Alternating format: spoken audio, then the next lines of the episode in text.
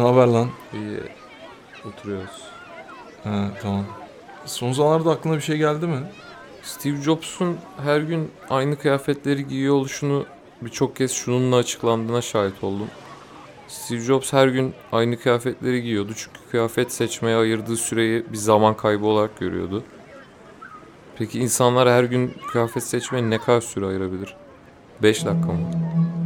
Steve buradan kazandığı 5 dakika ile biraz daha iPhone yapayım mı diyordu. Başarısız insanlara başarılı insanlar hep azimli ve insanüstü gösterilir.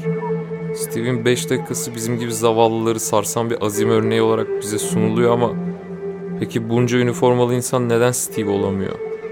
Şimdi ben de kendi Steve Jobs olma yolculuğumu sadece bu küçük 5 dakikalık kararı kendime ilham olarak başlatıyorum. Dolabıma gidiyorum ve tek seferde evime sipariş ettiğim 7 siyah kazak, 7 siyah tişört, 7 siyah çorap ve 7 siyah pantolon arasından birer tane alıyor ve giyiyorum. Ardından aynanın karşısına geçiyorum ve 5 dakika boyunca kendimi izliyorum. Ee, sen hangi dershaneye gitmiştin? Dershaneye gitmedim ya. Ben de gitmedim lan. Çok iyi. Ee, peki Perşembe günü mü daha güzel, Salı günü mü? Hayat durdurulamaz bir tren.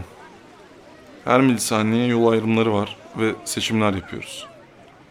Bu seçimler karakterimizi ve yaşam stilimizi belirliyor. Ben fermuar olmayan kapşonlu kıyafetleri giyemiyorum mesela. Kendimi hapsedilmiş hissediyorum. Ya da bir kafede falan kahve içmek istediğimde önce parayı vermek istiyorum. Canım sıkıldığında hemen gidebilmek için. Ama yaşamın kendisi benim talep ettiğim bu şartları maalesef pek karşılamıyor. Bir anda bir balet olamam. Çünkü bunu seçmedim. Bir anda bir matematik dehası da olamam. Ya beni boş ver, Sayın Cumhurbaşkanımız bile bir sabah uyanıp ben artık CHP'liyim diyemez. Zaten siyasetin sahteliği de tam burada gizli. Seçimler hapishanesinin 3 yaşında inşa ettiğin parmaklığını bile kıramazsın. İşçisin sen, işçi kal.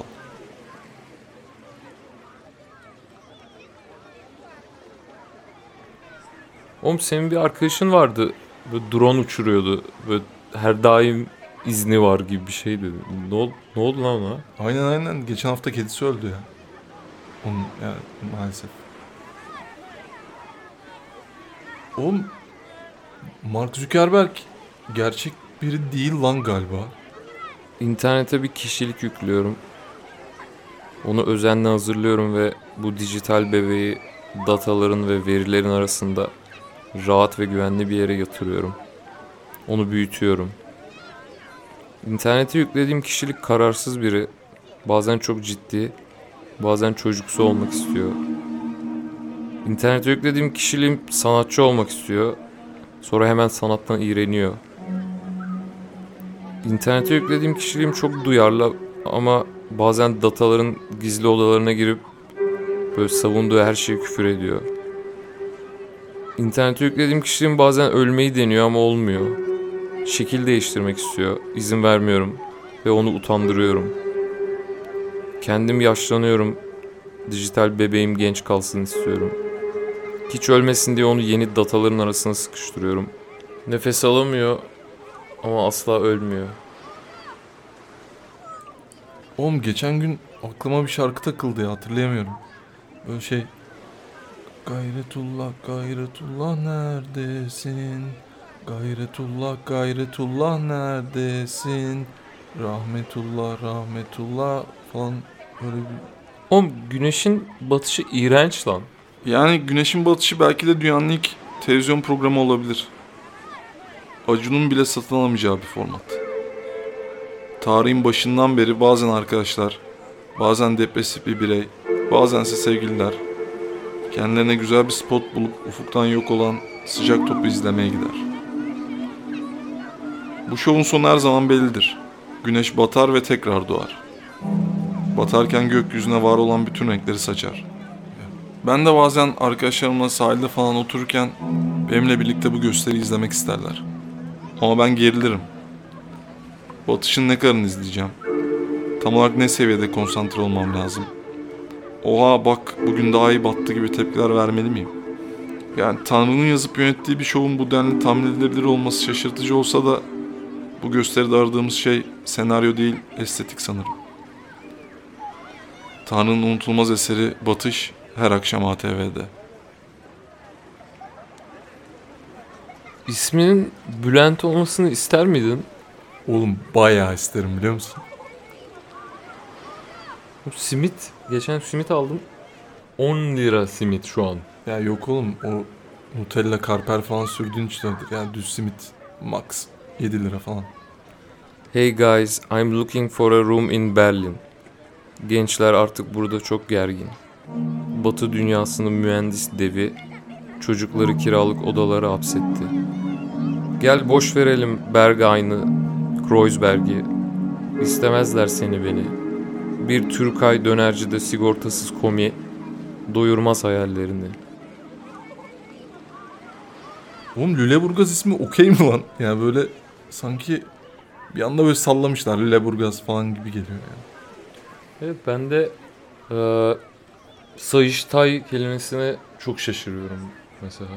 Aynen böyle Danıştay falan da var ama hani Gidiştay, Merhabaştay falan gibi başka yerlerde pek kullanılmıyor yani. Ama ne olursa olsun iyi ki lahmacun diye bir şey var. Şükretme gibi her an ulaşılabilir ve toplumun her kesimini temsil edebilecek bir kavram hangi noktada kro bir konsepte dönüştü çok merak ediyorum. Bedava, mutluluk garantili ve iç ısıtıcı. Ama hayatım boyunca bu konsepti reddettim. Hissettirdiği o sıcaklık ezogelin çorbası gibi bedenimi kaplasın istemedim. Avokado gibi tadı var mı yok mu belli değil ama gerçekten çok cool ve güçlü hissettiren mücadele, hırs gibi kavramlara sarıldım. Dışarısı soğuktur. Yaşam çetindir. Şükretmek feci bir ayak kokusu gibidir. Evi kaplar. Kaloriferin ısısı bu kokuyu daha da körükler. Başın döner, uyursun. Televizyondan ana haber sesi gelir. Spiker şöyle der. 28 yaşındaki SK camdan atlayarak yaşamına son verdi. Hey SK, belki de yeterince şükretmedin. Evet, ben 28 yaşıma kadar şükretmedim. Bu oyunu en zor modda oynamak istedim. Amaç oyunu kazanmak mı yoksa tatmin olmak mı? Bilmiyorum.